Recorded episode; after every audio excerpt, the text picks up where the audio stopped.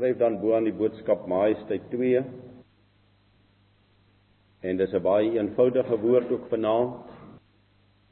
En ons lees Psalm 127 as die fundamentsteen vir hierdie boodskap in hierdie aand. So laat was deur wat u hoor vanaand hierdie Psalm die fundamentsteen wees.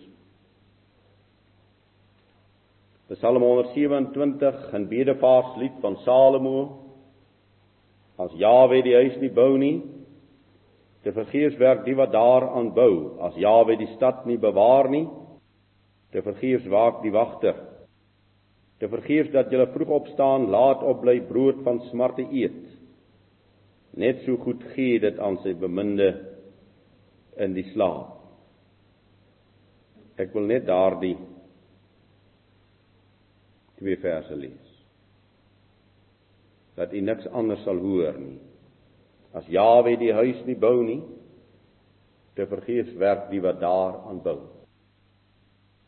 As Jawe die stad nie bewaak nie, te vergeefs waak die wagter. Te, te vergeefs dat hulle vroeg opstaan, laat opbly brood van smarte eet. Net so goed gee dit vir sy beminde in die slaap. Geliefdes, die hartseer is dat die mens in homself altyd sy oplossing soek.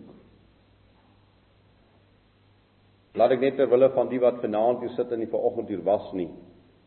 Dit gaan vir ons in hierdie boodskap oor die majesteit van Jawe en die afbreek van sy majesteit en dat ons hierdie majesteit wil terug hê onder ons. En in hierdie soeke wat die mens het en hierdie oplossing wat hy wil vind in sy nood en in sy behoeftes speel sy godsdienst 'n groot rol. Want hy soek ook sy oplossing in sy godsdiens. En dit is die jammer. Hoe danig geliefdes is ons lewens Moet ons nie vanaand erken en bely, maar ons lewens is ook besoedel met al die dinge van die tyd waarin ons leef nie. Het Israel het ons soveel afgebreek van die majesteit van ons Skepper. Ons is deel van die proses in die wêreld. Ons kan ons nooit losmaak van ons voorgeslag nie. Net so min as wat ons ons kan losmaak van ons nageslag. Ons kan ons nie losmaak van die volk waaraan ons gebonde is nie. Daarom vind ons dit dat wanneer die groot leiers van die tyd belydenis doen voor Jawe, dan is dit altyd ek en my volk. Ek en my familie. En ons het nou vanmôre twee vrae gevra aan die einde van die boodskap wat ons wil antwoord vanaand. Die Vader moet onder ons terugkeer in sy majesteit. Hoe? Geliefdes, die Vader moet onder ons terugkeer in sy majesteit. Maar hoe? Nou wil ek eers vir onsself, vir ons almal 'n vraag vra en ek wil 'n antwoord hê. Soos ons vanaand hier bymekaar is as gelowiges en iemand hardop antwoord want ek wil dit op band hê. Is ons geestelike lewe op datum, is dit op die korrekte geestelike vlak? Wat is ons antwoord?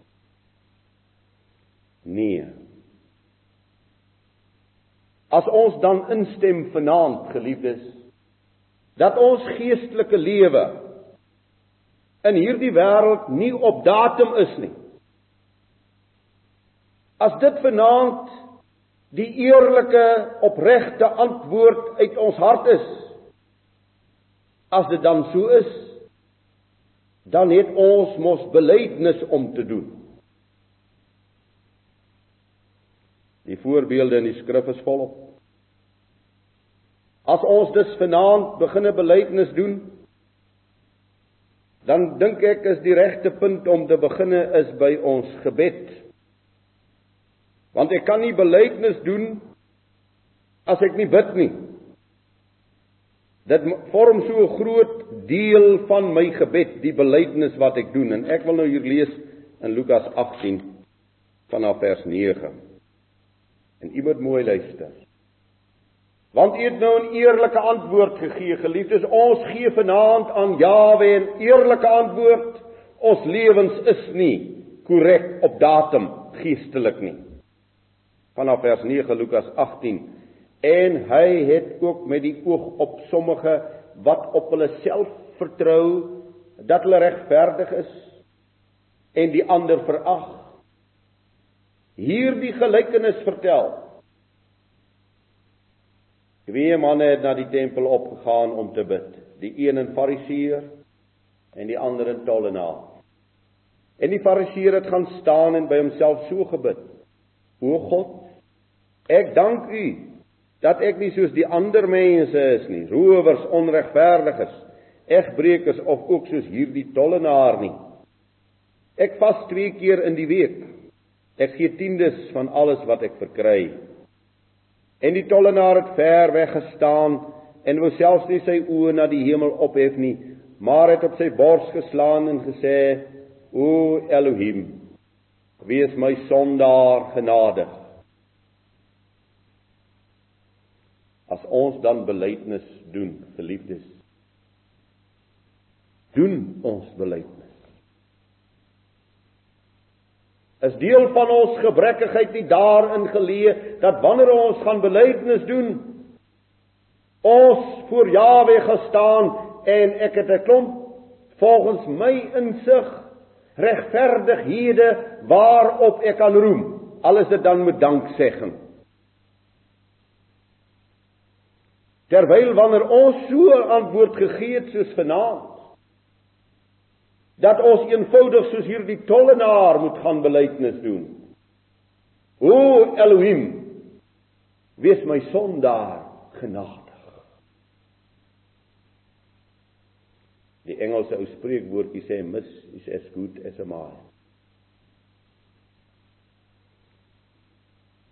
So wanneer ons werklik in eerlikheid voor ons Vader gaan buig, dan moet ons gebed, dan moet ons belydenis voluit wees. My belydenis kan nie halfpad wees nie, want Jawe verwag 'n volledige belydenis van jou en van my. Hy sê ek met sy woord die gebroke en verslae hart sal hy nie verag nie.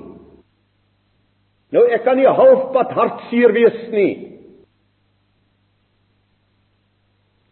As ek voor Jawe in berou is oor my sonde, dan moet dit volkome voor hom wees. Ek moet in berou voor hom staan en my sonde klein of groot moet werklikheid wees.